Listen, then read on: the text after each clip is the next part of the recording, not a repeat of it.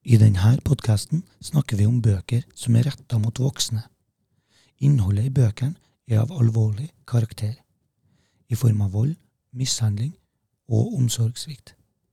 Vi snakker dessuten om bøkene i sin helhet, og røper derfor store deler av innholdet.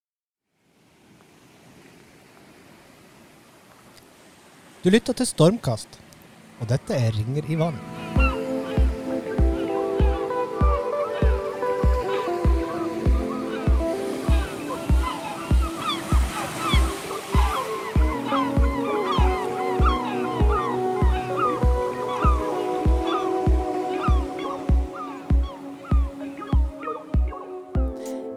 Dag skal vi snakke om eh, Douglas Stewart sin Sugar Bane.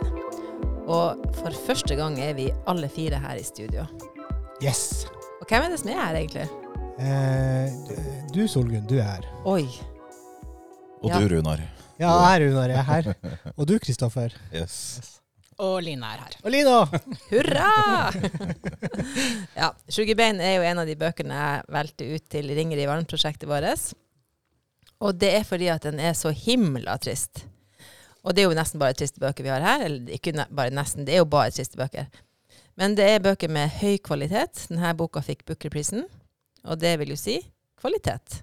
Vi har også en eh, gutt som hovedperson, og vi har en mor som er alkoholisert, og en fryktelig, fryktelig ond eh, Ikke fryktelig ond far, en eh, far som neglisjerer han, da.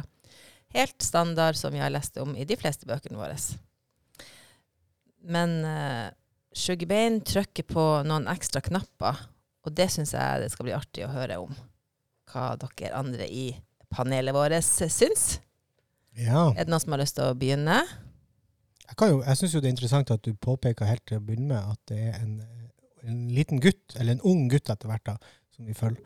Eh, for det er jo, har vi ikke hatt så mange av. Vi har hatt i Tvillingenes dagbok, og, Mm. og det, er, det utgjør en, eh, en eh, kontrast og en forskjell. Mm. Fordi det blir jo fort som at vi omtaler det som at ja, vi, alt er trist og leit. Og sånn er det i alle bøkene. Fraværende foreldre, omsorgssvikt og det ene og det andre. Men det er i hvert fall variasjoner. Ja, og så har han jo også det tilleggselementet med at han er homofil. Ikke minst det. Han vokser opp i Glasgow på Er det 80-tallet? På 80-tallet, ja. Ja. Mm. eh, I gruvesamfunn som er ekstremt mannsdominert, eh, og preget av stor arbeidsløshet eh, og lidelse under Thatcher. Eh, og, så han har jo ingenting som fungerer for seg sånn i utgangspunktet.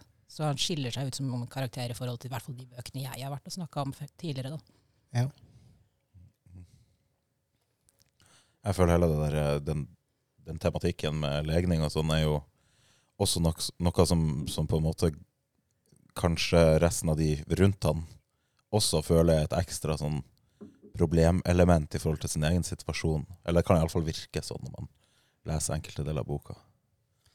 ja det det eh, tror jeg at du Jeg opplever at det er akkurat det samme, og jeg opplever det som en sånn gjennomgående tråd, en, en en tematikk. At at det å, det å skille seg ut fra normalen, det er utrolig viktig å dras inn i en form for normativitet. Mm. Eh, for å for, for eksempel da, for å beholde en form for likevekt eller en status quo.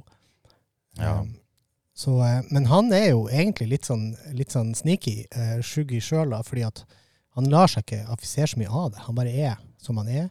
Mm. Eh, vi ser det i mye større grad med de andre karakterene, og spesielt da mora Agnes, tenker Ja. jeg. Og så tenker jeg jo han broren, han uh, Lik, hva er det han heter? Ja. Han, eh, han prøver jo å lære han å, å gå mer maskulint, for eksempel. Ja, man han har beina lenger fra hverandre. ja.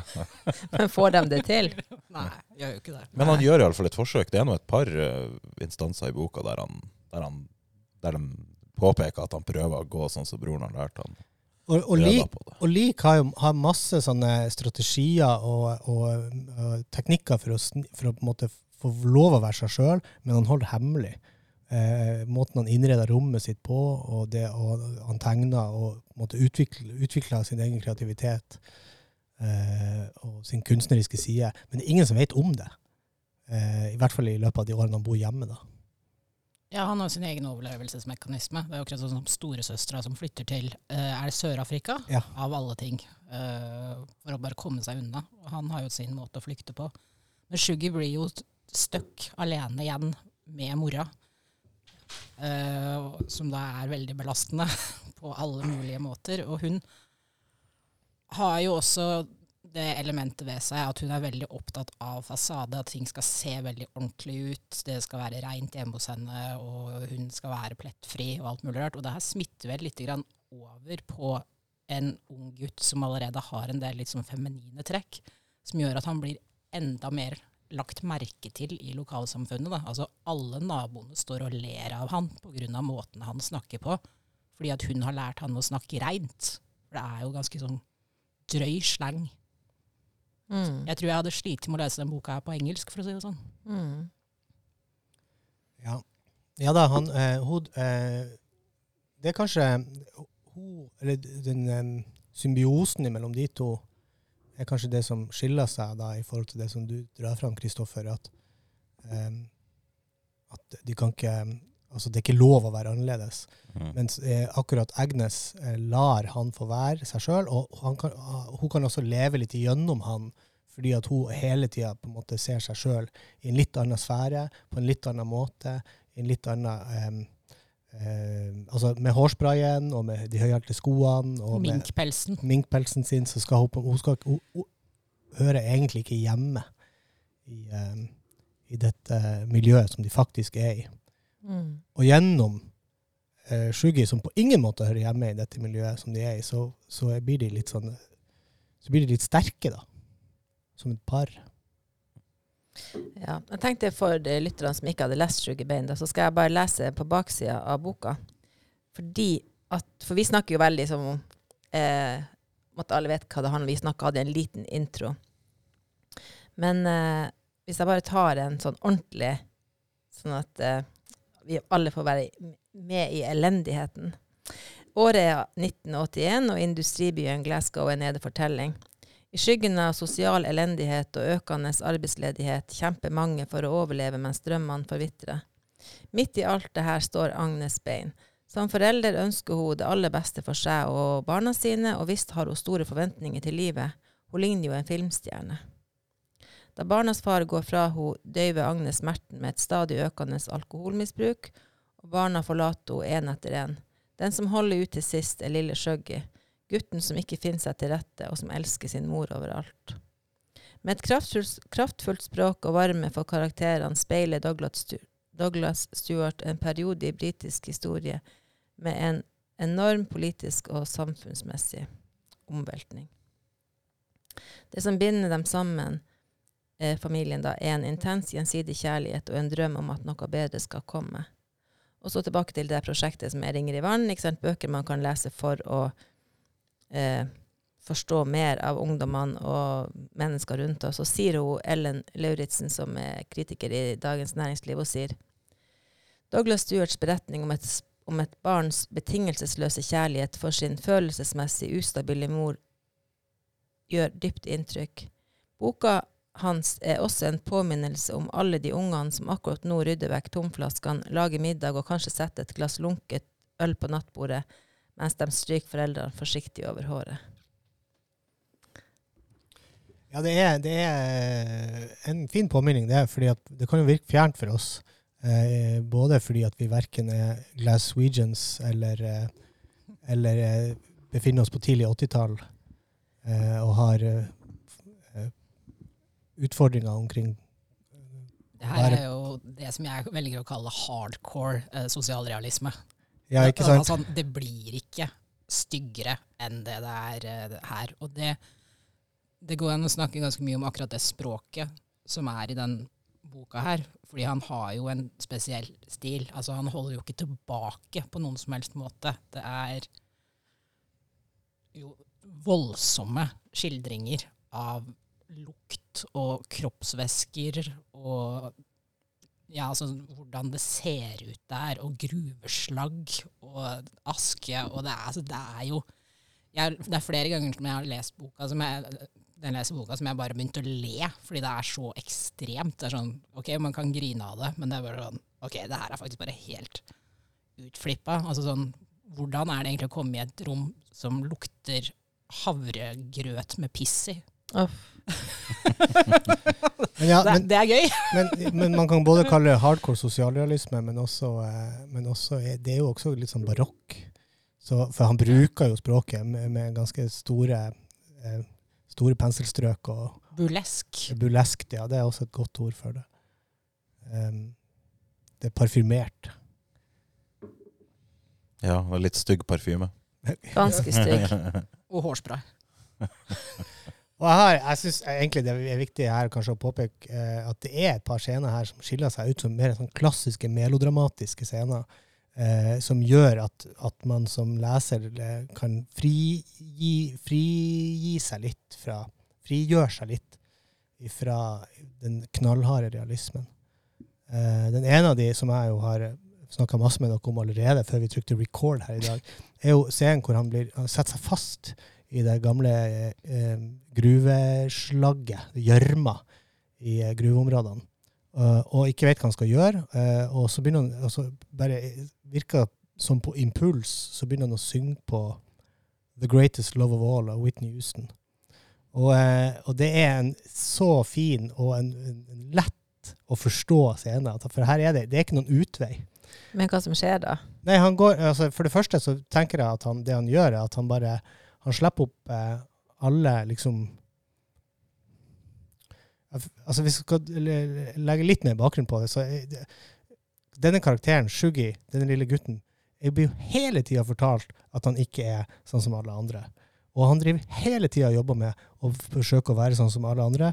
Men han, han, er, han har også ikke noen særlige intensjoner om å egentlig bli sånn som alle andre.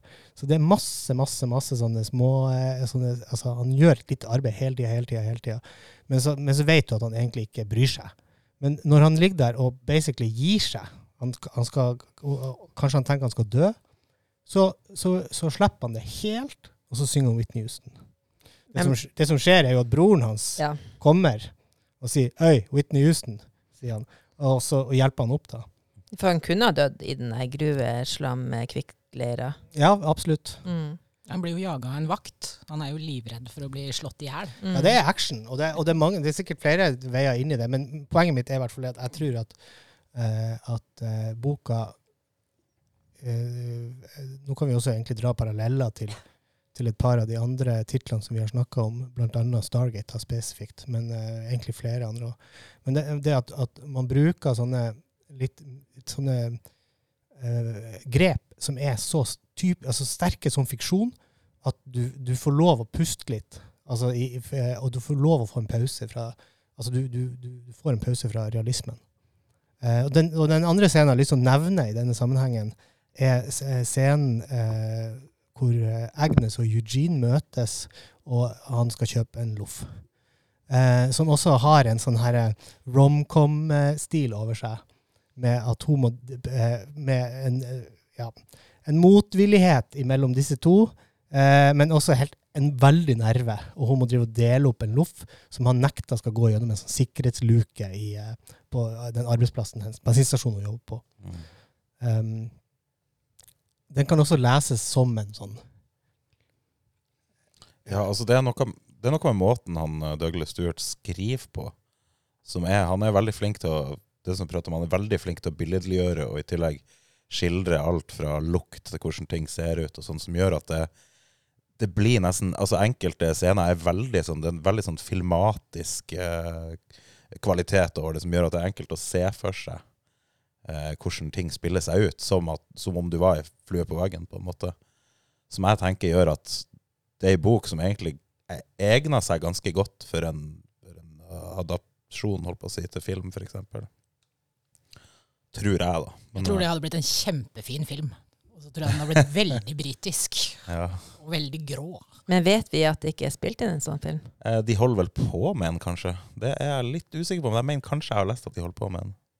Jeg føler at jeg har sett tilsvarende britisk eh, film eh, som er lagd for eh, lenge siden.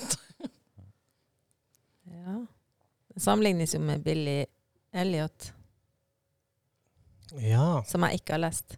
Ja, nei, for det er vel liten gutt som danser, Nei. ikke det? Mm. Ja. Er det noen andre som har lest den? Billy Elliot? Mm. Uh, nei, dessverre. Nope. Sett filmen for mange år siden. Ja. Det eh, kan, være- kan jeg høre med dere om, om eh, hva dere har slags tanker omkring det at det er eh, Shuggy sin bok i tittel, men mora Agnes sin fortelling i ganske stor grad. Altså, Mm. eh, det, det, det er en overvekt av hennes egne eh, altså scener i forhold til Shuggy. Ja, jeg føler jo man på en måte det er hun man følger mest, nesten, av og til. Ja, uten at man skal, vi skal trenge å telle det, så er det i hvert fall en det, Hun er på en måte en, le, en ledende karakter i større grad Shuggy henger på henne, liksom. Ja, Jeg er uenig. Er du uenig? Ja, så fint. Ja. Få høre. Nei, jeg syns at det her det er Sjugge sin bok, og det sier du jo, så der er vi jo enige. Men det er jo hans liv eh, som er viktig. Men han ser jo mora gjennom sine øyne. Det er jo gjennom hans øyne vi får se mora. men samtidig så er det jo noen scener som på en måte Der Sjugge ikke er med, men der vi følger faktisk bare Agnes. Mm. Blant annet eh, ei scene med han Eugene. Der på en måte Ja. Vi skal komme inn på den seinere, så jeg trenger ikke å avsløre noe fra den. Men Ja, men det er mange, det er mange scener uten skygge Ja, i det hele tatt. Ja. Så, det, så det er jo det er jo ikke fortalt i jeg-form. Jeg synes at, det er en så, at det er en kul greie, faktisk. Fordi at det, han er jo i den situasjonen at altså, Han er jo relativt selvutslettende. Og et barn som lever i den situasjonen Det er jo sånn som Solgunn sa i forhold til det som står bak på boka og Alle de her barna som driver og rydder tomflasker og alt mulig sånn. Det er jo ikke plass til de på noen som helst måte. Så boka Sugar Bane om Sugar Bane, så har han egentlig ikke plass til seg selv i boka om seg selv engang. Det var veldig innsiktsfullt tenkt, syns jeg. Ja, men det er godt sagt. Mm. Jeg- Det er en fin måte. For, jeg, for min del så hadde jeg tenkt mer på det som en sånn For at han skal kunne eh, beskrives, for at denne oppveksten skal kunne beskrives, så krever konteksten all plass. Eller normaliteten krever så mye plass. Det er ikke plass til, til, eh, til eh, på en måte det det faktisk handler om. Det er konteksten sin, sin bok. Og, da er, og siden mora er eh, så viktig for han, så blir hun en slags hovedkarakter. Og det er jo akkurat eh, der Jeg har jo lyst til å lese et tekstutdrag som Ja. jeg synes at illustrerer akkurat det her eh, veldig godt i forhold til hvordan han har det, hvor, hvor forferdelig hun er, hvor forferdelig situasjonen er, men også hvor glad han er i mora si, hvor omsorgsfull han er, uh, hvor mye han bryr seg. Uh, og mora har vært på fylla. Sjokkerende nok. Uh, de er alene hjemme. Og så Kroppen hennes hang utover sengekanten, og den merkelige vinkelen fortalte Shuggy at hun hadde drukket hun spant som en fyrverkeri i sol hele natta. Han snudde hodet hennes til side så hun ikke skulle sette oppgulp i halsen. Så stilte han vaskebøtte ved siden av senga, traff forsiktig ned glidelåsen bak på den kremhvite kjolen og løsna hekta på bh-en. Tatt av skoene ville han også ha gjort, men hun hadde ikke sko på, og beina var hvite og grelle uten den sedvanlige svarte strømpebuksa. Hun hadde nye blåmerker på de bleike lårene. Shuggy satte fram tre tekopper, en med vann fra springen for å lindre den sprukne halsen, en med melk for å bøte på den sure magen, og en tredje med daffe ølrester han hadde funnet rundt omkring i huset og pisket sammen med en gaffel. Han visste at det første han visste at det var den hun ville ta først, og den som ville stilne kroppens skrik. Han bøyde seg over henne og hørte henne puste. Pusten var vammel av røyk og søvn, så han gikk ut på kjøkkenet og fylte en fjerde kopp med klorin til tennene hennes. Han rev ut en side fra leksa om Romerrikets paver og skrev med svak blyant. Fare, tannrens, ikke drikk dette, ikke engang en minislurk ved uhell. Det her mener jeg er vakkert. Det her, er så ille. og godeste Agnes Bain fikk jo trukket ut tennene sine når hun var 15 år gammel. Det var like greit. Hun hadde ikke spesielt fine tenner, og hun er jo opptatt av utseendet. Men det er liksom Jeg kan måtte se for meg denne gutten som prøver å ta vare på mora si og sette fram det her klorinen så hun skal få liksom skylt tennene sine. Og han må liksom kle av henne. Altså, alt av roller er snudd opp ned. Så jeg, jeg syns det er en sånn god beskrivelse av dynamikken mellom mor og sønn. Er det den, den sterkeste scenen i boka, tenker du? Ja, jeg syns det er veldig mange sterke scener, men altså, den her har den der ekstra punchen, syns jeg, har med den klorinen og alle de, de koppene og sånn, for det er sånn det er så ille. Uh, altså, når jeg leste det første gangen, så bare begynte jeg å le. Uh, det, er, det er kanskje ikke helt optimalt. Men altså, det er masse sterke scener, men jeg, jeg, jeg liker akkurat den her spesielt godt. Kan jeg få skyte inn, når du leste det nå, så innså jeg at det er en liten sånn fin detalj i forhold til eh, Shuggy som eh, sånn personlighetstype her. Fordi eh, det han gjør her, ligner jo veldig på måten han organiserer lekene sine på også. Disse robotene som han setter opp på linje, og så lager han lapper fordi han mangler. Eh, så det er en sånn Han uttrykker seg sjøl gjennom eh, denne, disse omsorgsoppgavene som han har. Jeg vet ikke om eh, dere husker hele liksom, lekeopplegget hans. Han samler på sånne roboter, og så er han opptatt av å ha de i orden. Ja, og det er jo sånn når han flytter til slutt for seg selv også, så har, beholder han jo de her porselensfigurene som moren har samla på, som han driver og tørker støv av og setter i vinduskarmen. Sånn. Så han er jo kanskje slekter på sin mor, da, opptatt av hvordan det ser ut rundt han. Ja, at, at de står i rekkefølge, og Ja. det er pertentlig, og, og, og, og markert hva som er hva. Og, ja. Ja. Kristoffer, har du et sånt uh, utdrag som du tenker aldri, du kom, som du kanskje aldri kan glemme? Eh, Jeg har ikke et, eh, et tekstutdrag per se, men jeg har jo ei scene som, som, er, som er den jeg sitter igjen med. Det er jo ei stund siden jeg leste boka, men allikevel så det er ei scene jeg på en måte ikke klarer helt å glemme, og det er på en måte For meg er det en av de tristeste scenene i boka, selv om den scenen i, i seg sjøl ikke er noe som som um, kanskje kan sammenlignes med mye annet i boka, så er, så er den allikevel den så, så føler jeg den er en ganske sentral og ganske viktig del av det. Fordi at det er jo en På et punkt i, i boka så er jo Egnes litt sånn på bedringens vei.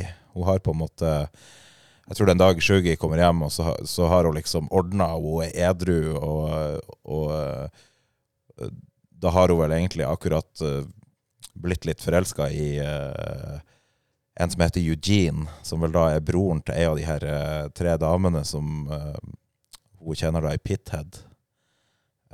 Og etter hvert så drar hun ut på en sånn date med han Eugene, da.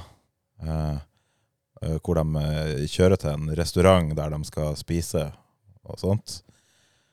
Og da, da kjenner jeg, jeg Hele den der scenen, så, så mens du leser, så har du du bare, du bare kjenner på den der, hvor ubehagelig det er bare å lese om det. Eh, og det er jo den her måten da han Eugene hele tida skal ha henne til å prøve å, å ta seg et glass vin, eller om så bare en slurk, liksom. For han mener at ja, nå har du liksom Nå er du edru, nå klarer du å kontrollere det, liksom. Kan ikke du prøve å ta, ta en slurk, liksom? Og så er jo hun veldig sånn der Nei, nei, nei, nei jeg, jeg vil ikke det. Men så, så klarer han jo omsider å overbevise henne, da. Og da er hun jo til å begynne med, så tenker hun at ja, hun tar seg et glass, og så tenker hun at det her går jo fint, liksom. Her har jeg jo, har jeg jo full kontroll. Hvis jeg klarer ett glass, så, så klarer jeg vel et til, da, uten at det trenger å, å være så ille. Og man skjønner jo egentlig ganske fort hvordan det her kommer til å gå. Da. Det er på en måte, ja Akkurat det for meg var liksom et veldig sånn trist øyeblikk på, i den boka. Ja, altså, jeg, så, jeg er så enig, for at når du snakker om det, så kjenner jeg at jeg får vondt i magen. Fordi at det er det tristeste øyeblikket. Fordi at hun hadde vært edru ganske lenge. Er det noen som husker hvor lenge hun hadde vært edru? Et, det blir jo referert til som det gode året Ja, det gode året, ikke sant. Hun har vært, hun har vært edru et helt år. Og øh, har det kjempefint. Og mora er i balanse. Og hun, liksom, det er så vakkert. Og han, han er jo politimann, han Eugene. Drosjesjåfør? Han er ikke politi. Nei, han er drosjesjåfør nå, tror jeg. Jeg går i drosjesjåfører. Ja. Men han han er, han er superstødig. Jeg trodde han var politi, men uansett. Han var iallfall superstødig, ikke sant? og han var en sånn trygghet, og det skulle være fint. Og så drar de på den restauranten, og den, det, det er jo en sånn scene, den, den kommer jeg aldri til å glemme. For det, han presser henne og sier at du er på en måte ikke normal. Det er ikke normalt at du ikke tar et glass vin. Det er ikke normalt, du er ikke normal. Og det gjør så vondt når hun gir etter. Og det er vel siste gang hun ser han den kvelden der, for han lemper jo av med huset for at hun er så full. Nei, de, de, har, de har et forhold lenger. Ja, men altså sånn, jeg følte det Det er eh, kjempesterk scene det der, men altså fra hun møter han, og, så, og tiden framover, så sitter jeg jo hele tiden og bare tenker det her kommer til å gå til helvete på et eller annet vis. Fordi vi er ca. midt i boka. Eh, man skjønner jo at det her er ikke noe sånn happy ending-opplegg.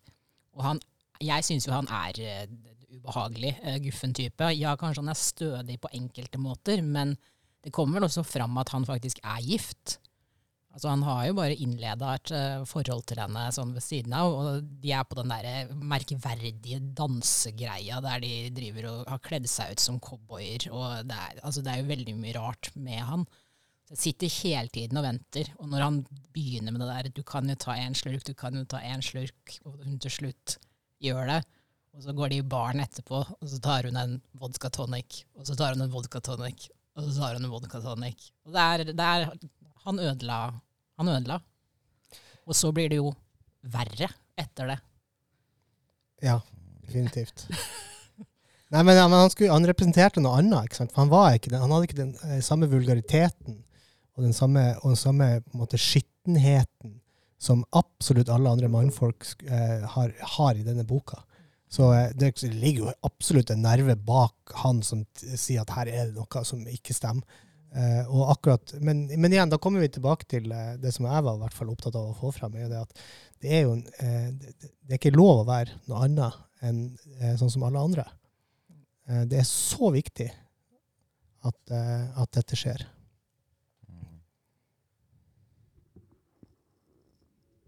Ja. Han har jeg lest Otto Leita. Han var jo, han var jo taxisjåfør.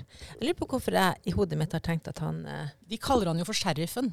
Det var jo derfor! Ja. De, på de der merkverdige dansetilstelningene som de er på, der de det er, det er bare kje, det er kjemperart. Det er countrymiljøet. Det er countrymiljøet i Glasgow. Det er, det, det er spesielt. Det er smalt, og det er for spesielt interesserte. Ja. Men det er noe med sånn strukturen i, i boka, for jeg syns at forfatteren gjør det veldig bra. Fordi at, sånn, I forhold til oppbygginga, for det er forferdelig og alt mulig rart. Og så gir han leseren allikevel noen pusterom Uh, ved at handlinga forandrer seg, og at eh, Sånn som det at det introduserer han Eugene. Fordi at ja, altså det skal vel være noe håp der, og så skjønner man at det her ikke kommer til å gå bra. Men man håper jo at det hadde skulle gått bra. Og han skriver jo de her scenene altså Det her bør jo lages film av. Fordi altså, han, han skriver de scenene her så utrolig bra. Altså, det eneste jeg har tenkt på som jeg liksom sammenligner med, er jo bøkene til eh, Irvin Welch. Mm. Det er jo Edinburgh og eh, fattigdom og lidelse og heroin, da. og alkoholisme, for så vidt. Ja. Jeg så, så forresten at den eh, Det virka som at det er en TV-serie under uh, produksjon. ja, ikke sant? Det er sånn man, man gjør det for tida. Det er I serieform. Mm. Sesong én, to, tre, fire, fem. Ja, den her skal det vel godt gjøres å dra ut så veldig Ja. Ja, men fire episoder hadde vært eh, Det tror jeg trengs for å fortelle ja, ja. historien hans. Jeg, tenk, jeg må spørre, eller jeg skal ikke spørre om det. Eller Så vidt jeg vet, eh, så er det, har vi ikke noe skeiv representasjon eh, i studio i dag. Eh, Med mindre jeg får noen veldig sånn klare motsvar her akkurat nå. Men, eh, men eh, um, for meg så er det påfallende Grunnen til at jeg starta med å si det, er fordi at det er viktig å ha det liksom klart for en, for en, for en lytter også. For meg så er det påfallende at dette her er en oppvekstroman om en, om en homofil gutt som ikke er en eh, kom-ut-fortelling. Mm. Og det er ikke en sentral del av denne fortellinga. Mm. Og det er en sånn eh, en, en slags en sånn normaliserende grep i vår offentlighet og i vår verden. At, han, at vi skal få lov å bli kjent med hans oppvekst uten at det skal handle om hans identitet på den måten som den tradisjonelle kom-ut-fortellinga er. Mm. Og det her synes jeg Jeg har bare lyst til å peke på det. Mm. Ja, Ja. Det er litt interessant, det. Mm. For det er ikke gjort til den sentrale delen av fortellinga, på en måte. Det er liksom bare et, et, et eh, Hva skal jeg si en, en, en del av personligheten hans som man på en måte vet er en underliggende greie, men som ikke blir utbrodert. Det blir liksom Det er, mulig i åpninga av boka at det blir referert litt til når han med noen kvinnelige kollegaer som tafsa litt på han, eller noe på den delen. Da blir det vel nevnt så vidt, på en måte. Og så er det jo disse Ja, i diverse scener så blir det på en måte kommer det fram at folk syns han er litt rar, på en måte. Eller, og han blir litt mobba, litt bølla med, holdt på å si. Ja, det, Men, eh, det, det er aldri noen tvil, men det, har, men, det får aldri stå Det er jo egentlig litt det samme som vi snakka om i stad, at det får ikke stå i fokus. Nei. Um, Ja, så det er jo bare først helt på, helt på avslutning, sånn på siste side uh, omtrent, at han er sammen med en venninne, og hun foreslår at de skal gå et sted for å se på en eller annen mann. Og hun er litt sånn derre Jeg vet at du har et crush på han. Og da er vi sånn OK, greit. Han har en venninne som han har fått de, Mm. de har en forståelse. Men det er liksom det eneste, sånn, den tydelige greia der han på en måte innrømmer det sånn offentlig. Han har sikkert innrømt det overfor seg selv for lenge, lenge, lenge lenge siden. Mm. ja, det er jo noen, noen Fordi han har eh, ikke noe problem egentlig med Altså Han har jo et problem med sin egen identitet pga. det samfunnet som han lever i. Men han har jo på en måte heller ikke de store problemene med seg selv. Ja, han syns at det er kjipt at han ikke er sånn som alle andre, men så er det allikevel det derre ja, det er litt interessant, interessant det du sier der, for det er på en måte Kanskje man kan tenke det litt sånn at det å være Det å liksom være homofil i i holdt på å si Skottland på, på, på 80-tallet var sikkert ikke det enkleste man kunne på en måte enkleste situasjon å være i, men her er det på en måte ikke et problem, fordi han har så mange andre problemer som han kanskje føler er mye større, eller som tar mer plass da. Ja, og så ender, han ender jo også opp i den situasjonen at han blir utsatt for et overgrep av en taxisjåfør. Sjåfør- Sjokkerende nok. Det er liksom taxisjåførene det går i. Og Mm. det er også en sånn derre utrolig eh, ubehagelig uh, For han skal ta taxi for å hente mora si, som liksom har forsvunnet nyttårsaften.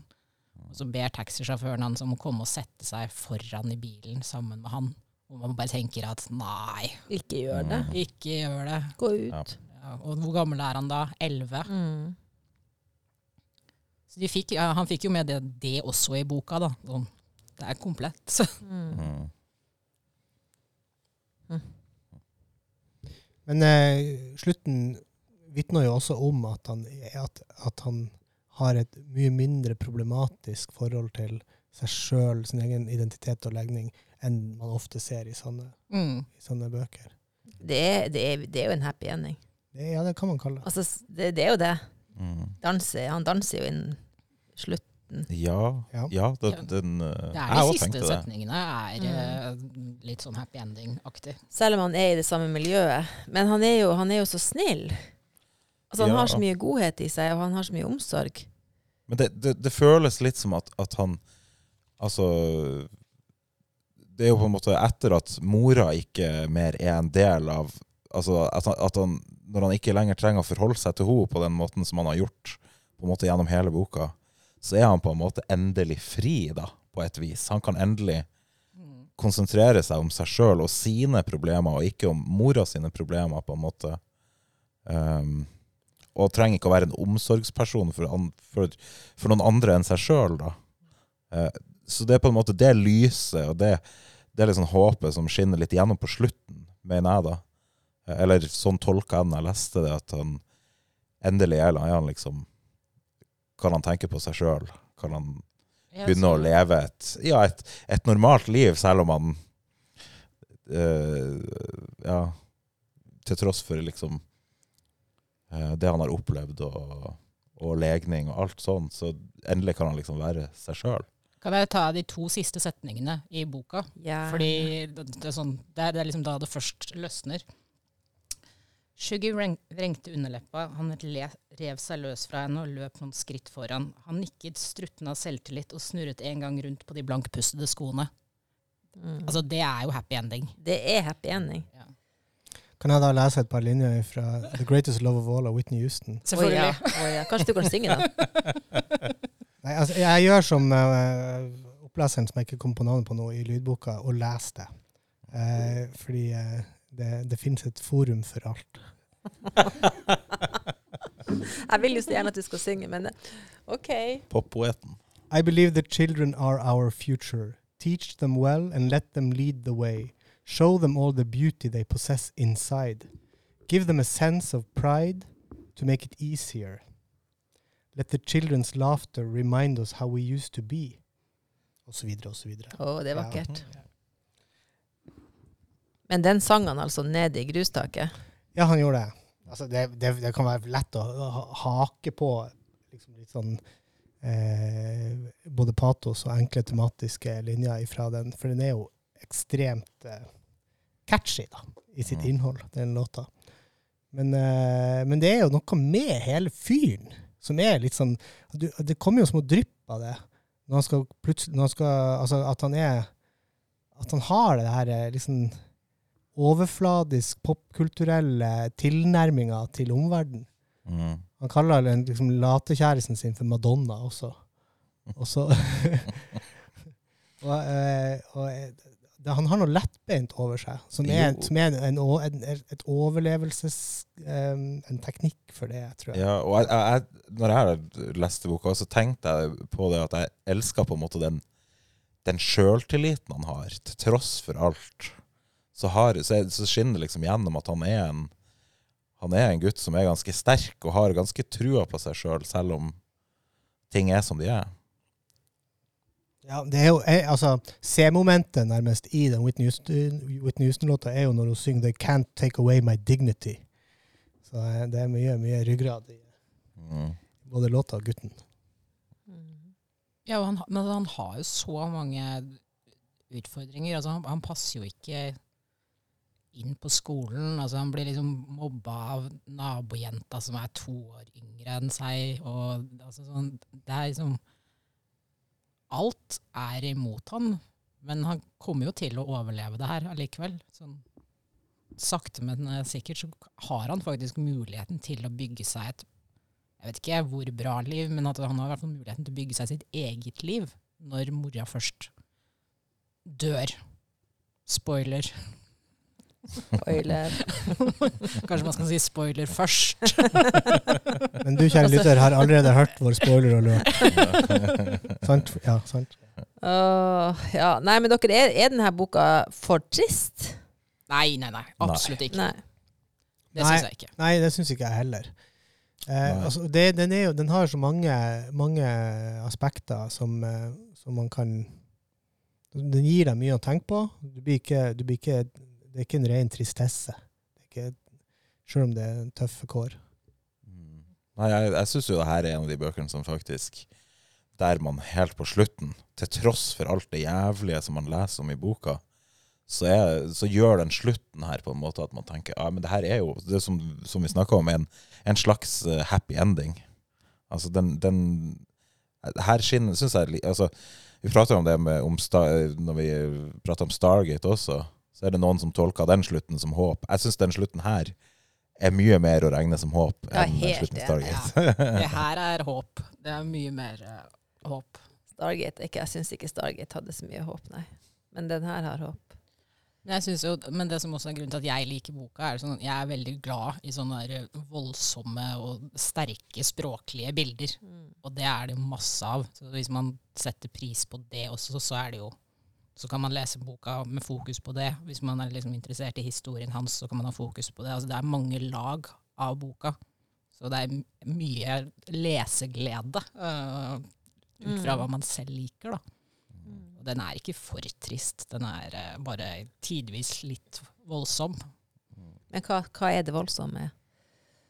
Nei, det er eh, tenke på liksom, de her beskrivelsene av miljøet og beskrivelsene av mora. Og så, Mm. altså, det, er, så mange scener der hun ligger avsvimt. Det er sånn som Det er ikke noe vaghet i den. Det er ikke noe vaghet. i det. Altså, som når han finner henne på nyttårsaften under alle de her jakkene som, eh, på denne festen der hun ikke kjenner noen.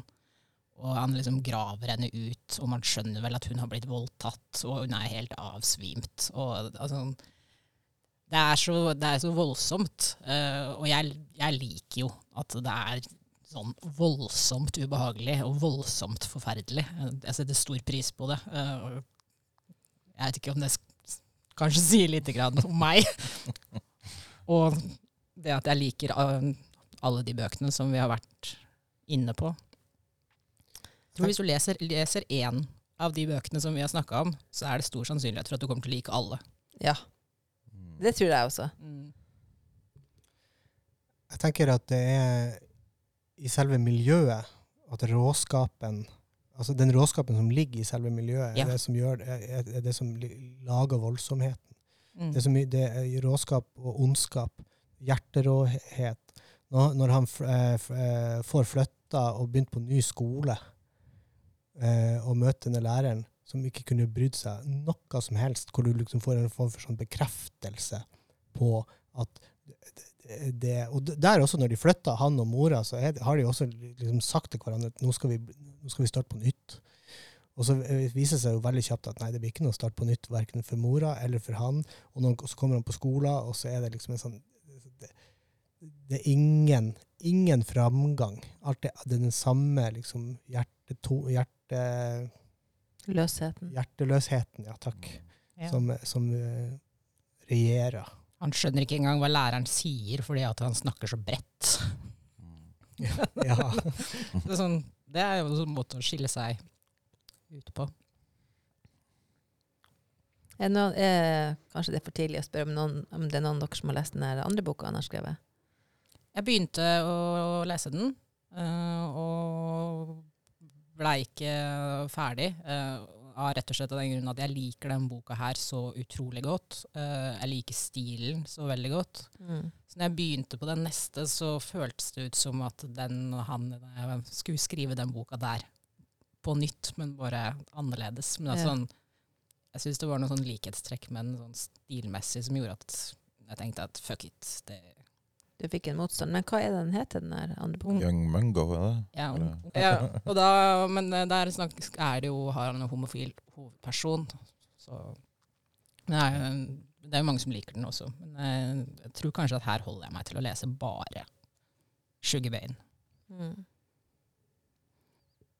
Noen tanker om eh, foreldreskap, eller barn og foreldresymbiose i fattigdom og avhengighet?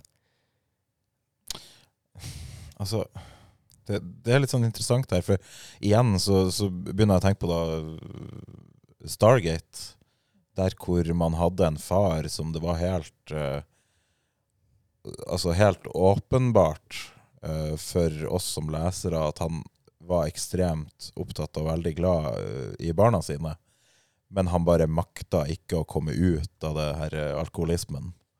På en måte. Og jeg, jeg føler i denne boka så føler jeg ikke helt Jeg vet ikke om, om, om Jeg føler helt den der samme varmen fra hun, den samme omsorgen fra hun omkring uh, Shuggy, eksempel, som jeg syns han faren til, til de her to jentene i Stargate uh, hadde for dem. Jeg, føler meg skildra litt annerledes, men jeg tror jo ikke nødvendigvis at det er sånn. Men, men det er lagt mer fokus der kanskje på å på å um, Hva skal jeg si Skildre han faren på en sånn På en sånn måte at man liksom får inntrykk av at, at han var glad i ungene sine og egentlig ikke ville være i den situasjonen. Mens i uh, Sugar Bain så føler jeg på en måte at hun Agnes er litt sånn At hun hun, um, hun, hun, hun prøver på en måte i større grad å fraskrive seg sjøl ansvar syns jeg, tidvis. Det virker som at hun, hun bare gir Gir nesten litt opp til tider. Ja, de er mindre sympatiske Ja, det, ja generelt i denne kanskje. boka. Ja. Ja. Hun minner jo egentlig veldig mye om mora i Kinderhore. Hun er, for hun er jo så alkoholisert, og hun har også en veldig avstand til sin datter, da. Mm. Det er, grunnen til at jeg tar det opp, er fordi at eh, det er også noe som jeg har kjent på som en sånn I og med at den er opptatt av å skildre større sammenhenger, naboer, familie og sånne ting, så, så ser du det forholdet som uh, Shuggy har med mora. Du, du kan se det litt i parallell med andre barn-foreldreforhold i boka. Og allerede i, i eh, pokerscenen helt i starten av boka, eh, måten de skildrer forholdet mellom Agnes og Lizzie, altså mora til Agnes igjen, Mm.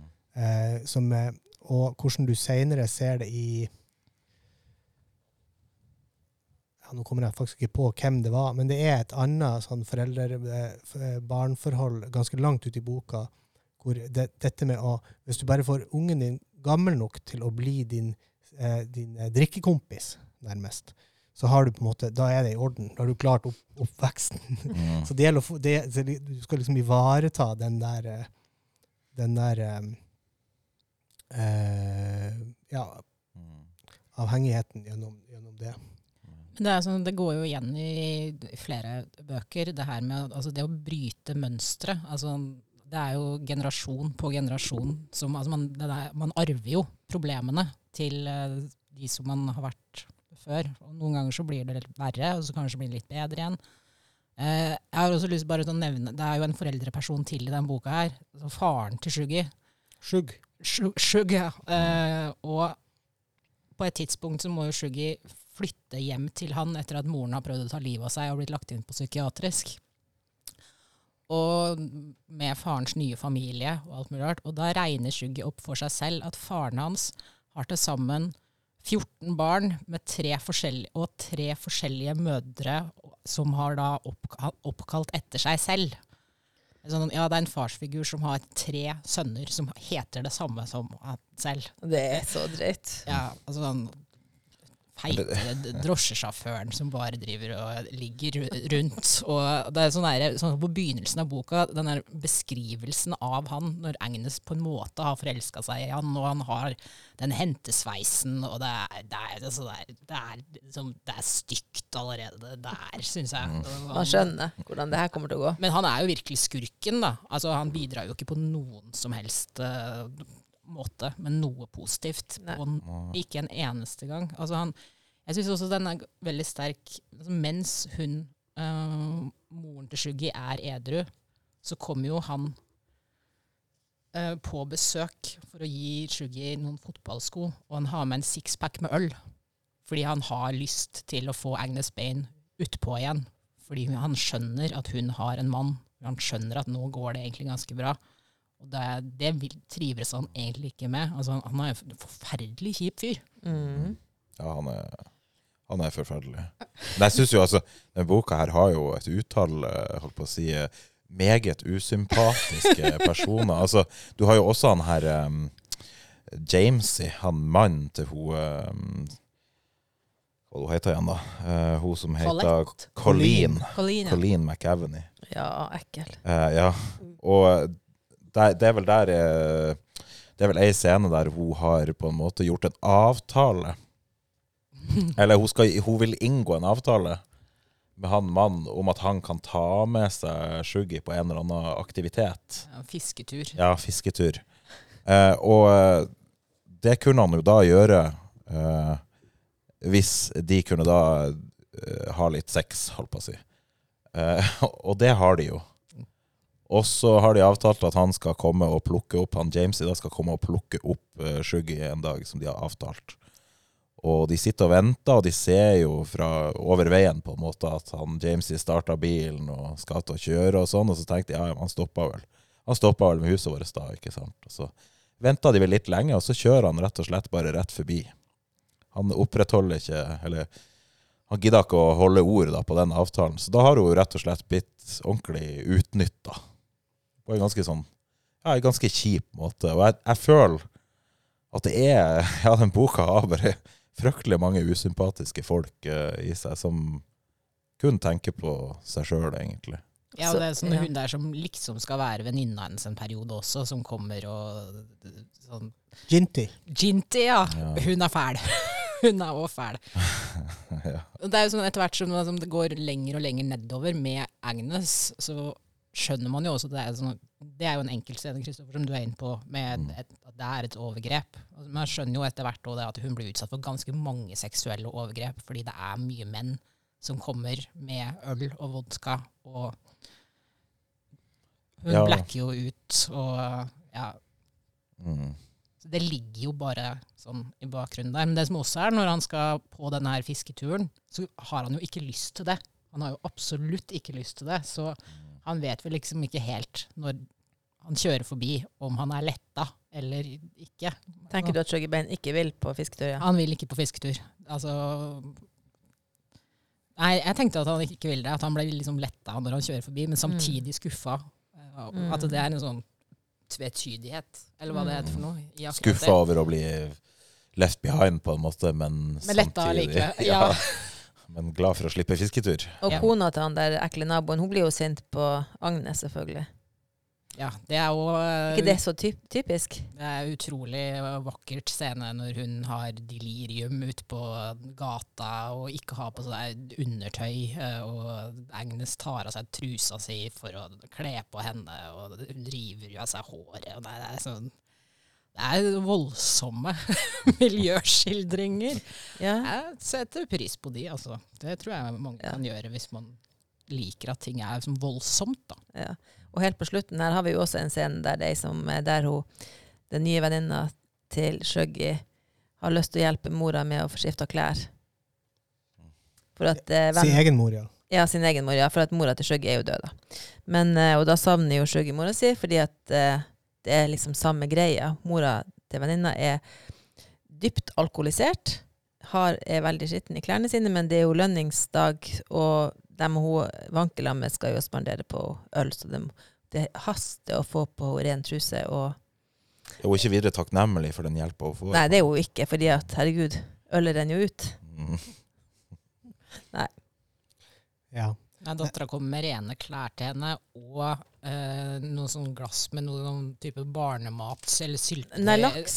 Ja, nei, det, altså, det hadde Sugar med. Men, Jeg det er, ja. men han, for hun klarer vel bare å ta til seg litt sånn lett næring. Å, det er sånn så fruktpuré og sånt. Det er, det er det man trenger. Jeg prøvde det, eh, å ramse opp i hodet mitt eh, hvem vi har av, av eh, sympatiske karakterer i denne boka. Og eh, det er liksom lik Altså på toppen av Sugar sjøl, da. Så det er lik jeg kommer på. Og kanskje vi kan regne inn Lee Ann, sjøl om vi ikke rekker å bli så kjent med henne. Fordi at hun, hun catcher Kem er, ganske kjapt. Mm. Og, og er der som en støttespiller for han. Uh, utover det så kommer jeg ikke på noen.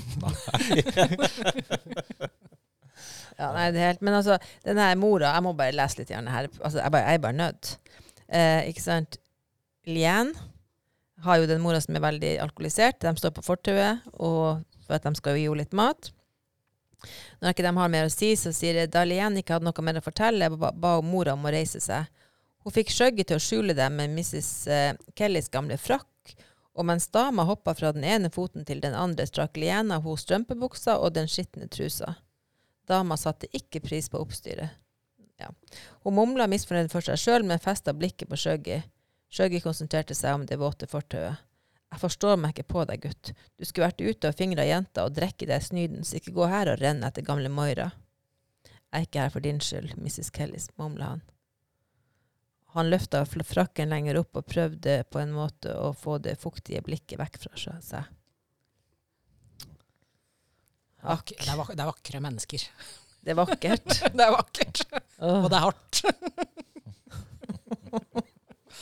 Det er vakkert og hardt. Og eh, det, vi tror jo det finnes noen som kanskje ikke liker de, de her uh, typen bøker, men uh, vi tror jo også at de fleste liker dem.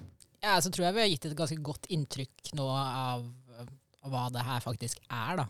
Det føler jeg jo. Mm. Trukket fram det mest essensielle. Det føler jeg også. Er det noen som brenner inne med noe som de har lyst til å eh, avslutte med her? Les bøkene. Selv om du vet hvordan de slutter. Ja, jeg kjenner at det kanskje begynner å bli nok nå. Tenker du nok eh, fæle bøker? Nei, men triste bøker. Eh, fa- Faktisk, eh, nå har jeg lest alle de bøkene som du har eh, Som det det er blitt laget postkast om. Eh, Jeg kjenner jo at når jeg skal prøve på litt sånn tilsvarende bøker nå, så er det sånn Det skal mye til for at jeg blir liksom overraska eller imponert eller noe sånt. noe. Altså, jeg kjenner at jeg må prøve å bevege meg i en litt annen litterær retning enn en periode, uh, for å på en måte få litt distanse til stoffet. De må skjølle kroppen med god, godhet. godhet. Du må enten gå til sånn feel good, uh, chick litt uh, kjærlighetshylla, eller så må du til lyrikkhylla, tror jeg. Kanskje nå. Altså, nå har jeg jo lest den nyeste Lucinda Riley-boka. Ja, ikke sant, eh, det for å, og jeg ble ikke noe da, Faen, ass. Det er jo- fordi, fordi det er så dårlig! Hei, hei, hei, Hei, hei. den er Det er den andre podkastrekka. Kan vi lage en egen sånn slakt av uh, Pasalt? Ja, visst. visst. Stormslakt. Stormslakt. Å, det kan bli neste. Nei, det hadde vært en bra serie. Stormslakt. Ja, vent, vent på det, dere. Ja. Nei, men eh, jeg syns at eh, vi, vi skal ha en oppsummeringspodkast, skal vi ikke det? Det satser vi på. Der vi snakker Vi skal jo ikke snakke om alle bøkene men vi skal snakke litt om hva, hva gjør det å lese så Noen kan jo få hosting. Men hva gjør det med oss å lese så tøffe bøker, og, og det er jo bøker som skal Som berører. Altså, det er jo det det gjør, og hva gjør det med det tror jeg kan bli kjempeinteressant å Ja. høre. En slags, eh, en slags oppsummerende samtale som ser for seg hele dette prosjektet litt, eh, litt eh, som en ja, helhetlig. Mm. Skal vi si takk for i dag? Ja, vi skal det. Det var det for i dag. Takk for i dag. Ha det. Ha det.